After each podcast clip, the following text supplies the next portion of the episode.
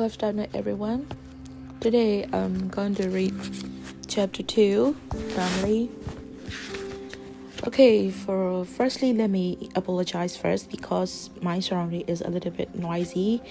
Um, because in the daytime, most of the people are still working, so it may be if it may be my if uh, the surrounding is noisy, uh, can you uh, ignore first? Okay, so let's start it. Please look after mom. Please look after mom. Every person in this world is someone's precious child, and adoption is no expedition. Even though monks have left home and began opting in pursuit of spiritual enlightenment, moves do not cut ties with their parents.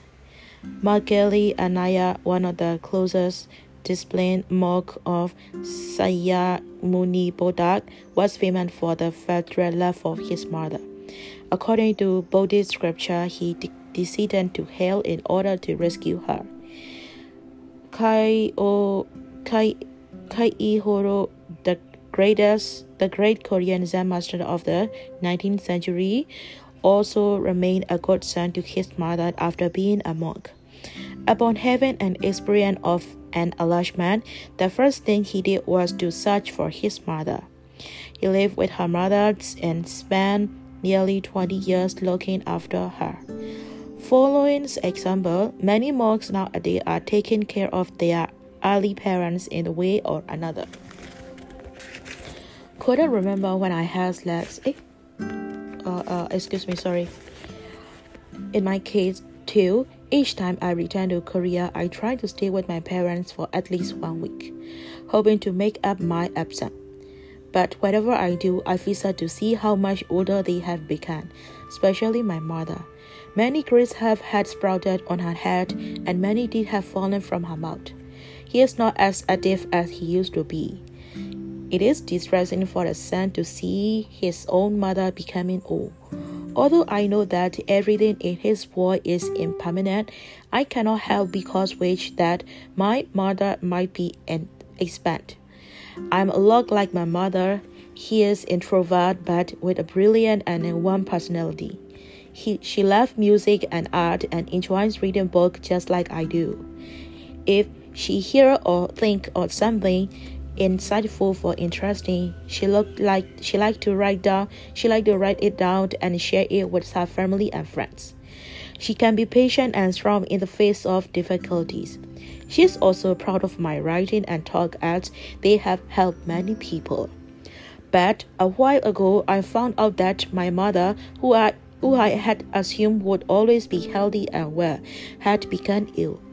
It seemed she had kept her innards from me because she didn't want me to worry about her.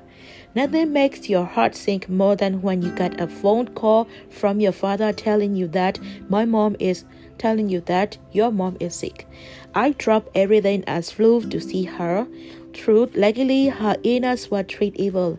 I stayed with her for a full month and it made my heart spin with shame to think that why I had been busying myself trying to help stranger.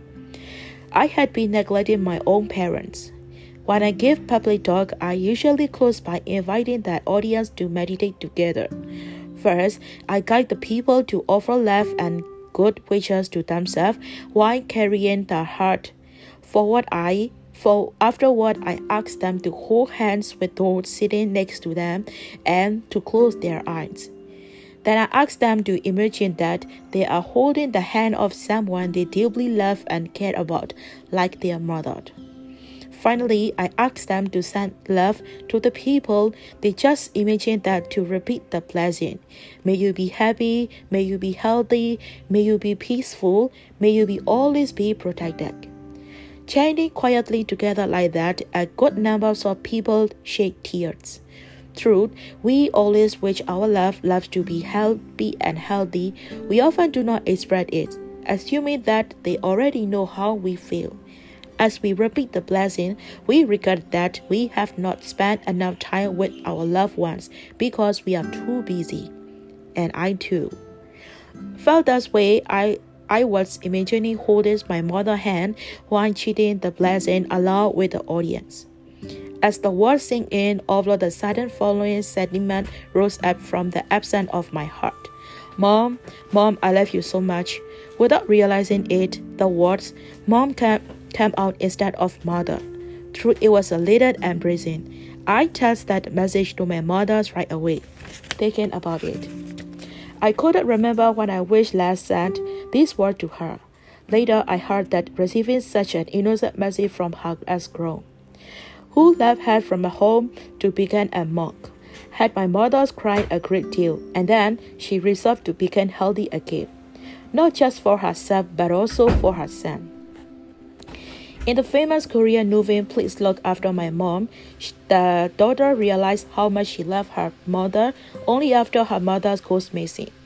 In an interview, the author she said that she had been planning to book for a long time but couldn't get it quite until she changed mother in the title to mom. The novel ends with the daughter on a trip of Vatican City. The daughter lays a roseway in the front of the betrayer the image of the Holy Mother embracing the dead Jesus and pray, Please, please look after mom. After staying at home with my mother for a month, I have to I have to leave the country again.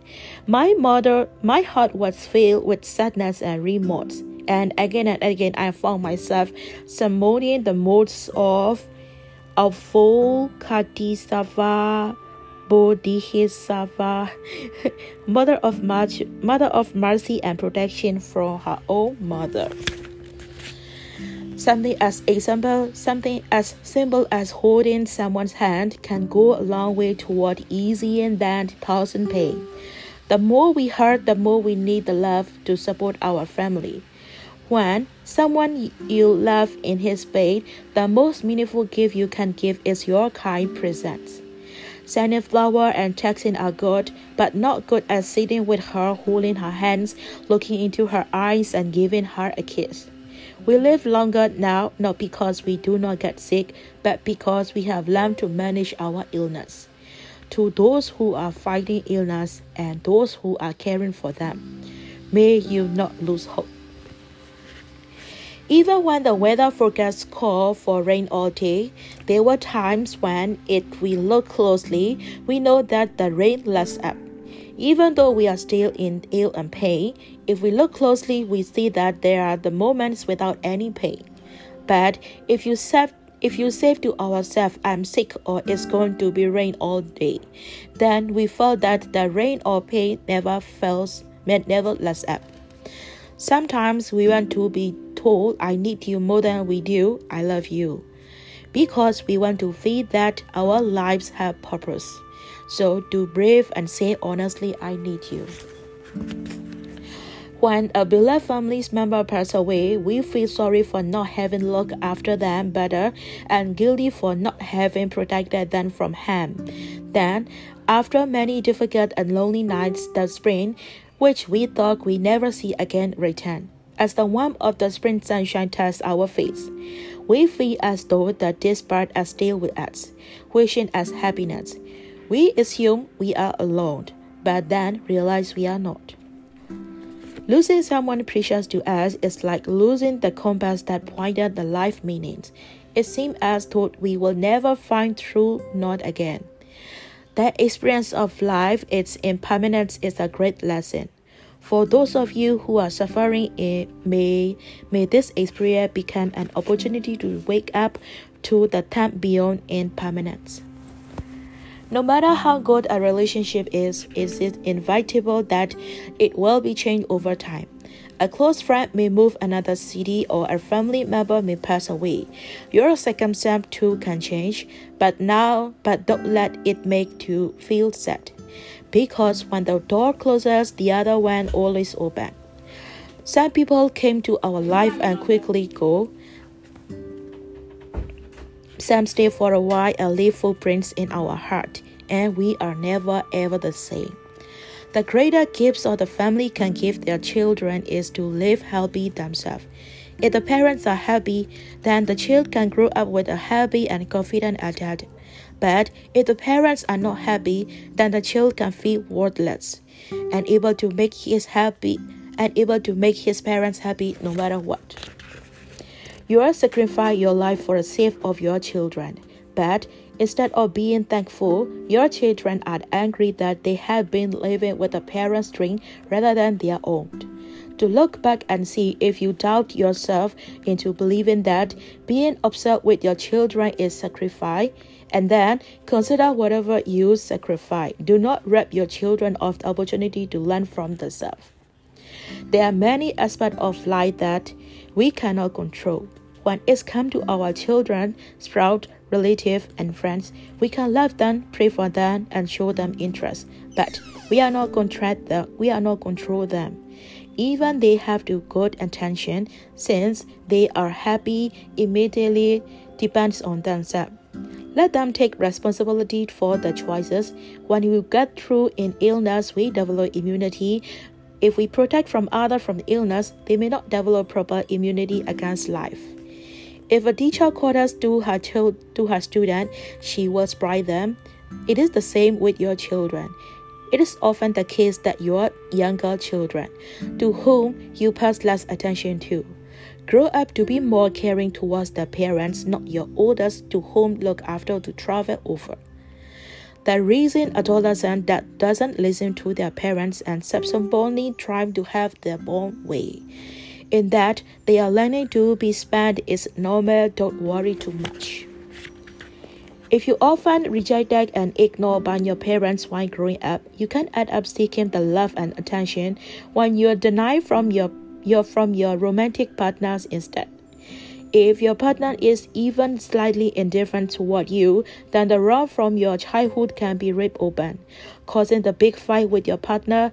But the real cause isn't your isn't not is it your partner, is the one you are carrying within you, rather than projecting the one into your partner and causing a fight said, Aside to your pride and speak from the heart, I am terrified that you would reject me and leave me like Mama did.